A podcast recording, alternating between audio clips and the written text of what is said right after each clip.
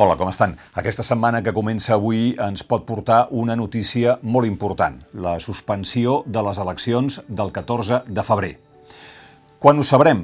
Doncs després de la pròxima reunió del Procicat, prevista per finals d'aquesta setmana, just quan faltarà un mes per la data dels comicis. En la comunitat epidemiològica i sanitària en general hi ha molta preocupació per la situació de la pandèmia a Catalunya. Per exemple, la doctora Magda Campins, la cap de Medicina Preventiva i Epidemiologia de l'Hospital de la Vall d'Hebron, va declarar dissabte al fax de TV3. Creu que seria responsable mantenir la data del 14 de febrer com a data de les eleccions? Rotundament no. No és responsable perquè el 14 de febrer estarem en una situació probablement pitjor que la que estem en aquests moments eh, i per tant el fer les eleccions, el fet de que presencialment vagin un volum molt important altíssim de, de persones a votar implica unes, unes interaccions que poden representar un problema de salut pública molt important.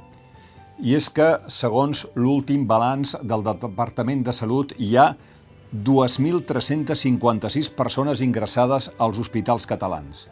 A les UCI hi ha 458 pacients crítics. En la darrera setmana han mort 288 persones. 288, 288 persones mortes en una setmana. La setmana que van passar del 2020 al 2021 es van detectar 18.822 positius. Això és un 36% més que els acumulats la setmana anterior.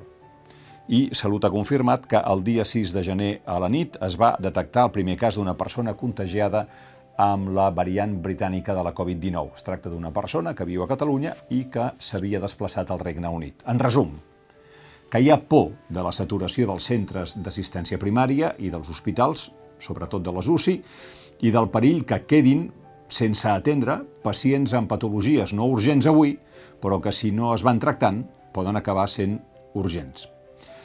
Divendres que ve, amb el pronunciament del Procicat, el govern i la taula de partits hauran de decidir si mantenen la data del 14 de febrer.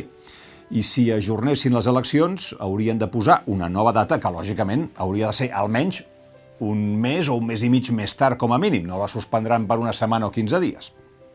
De moment, els preparatius per les eleccions continuen. Avui mateix, a l'Ara, publiquem aquesta inserció publicitària de la Generalitat en què, davant la situació sanitària, es recomana sol·licitar el vot per correu, ja ho veuen, fins al 4 de febrer. És la mateixa recomanació, per exemple, que va fer el doctor Argimon, el director general de Salut Pública de la Generalitat, que va mm, suggerir votar per correu. I, per cert, votar per correu sense por a una topinada, vull dir que és que és mm, prou segur des del punt de vista de les garanties jurídiques. Però, tot i que el vot per correu és d'una gran ajuda, no assegura el dret al sufragi de tothom, perquè cada dia milers de persones donen positiu per Covid-19, ho acabem de veure, i lògicament no poden sortir de casa perquè han de quedar aïllades. Què passa si has donat positiu a partir del 4 de febrer, quan ja no pots votar per correu i no pots anar fins a la urna perquè ets positiu?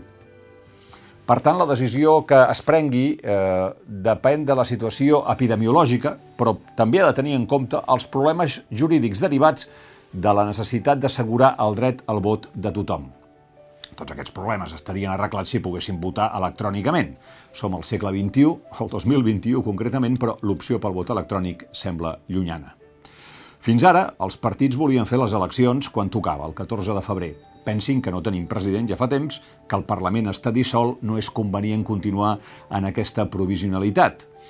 Però a partir d'ara també hi haurà el càlcul electoral de cada partit. I aquí és on sembla que el PSC té pressa per capitalitzar l'efecte Salvador Illa i portar tan ràpidament com sigui possible a les urnes l'impacte que ha suposat l'anunci de la seva candidatura i del fet que Miquel Iceta hagi quedat substituït pel fins ara, encara ara, ministre de Sanitat. Tot plegat és un laberint, però es tracta de no prendre més mal. El nostre reconeixement pels que treballen a primera línia, un record pels que pateixen, pels presos polítics, pels exiliats i que tinguem un bon dia.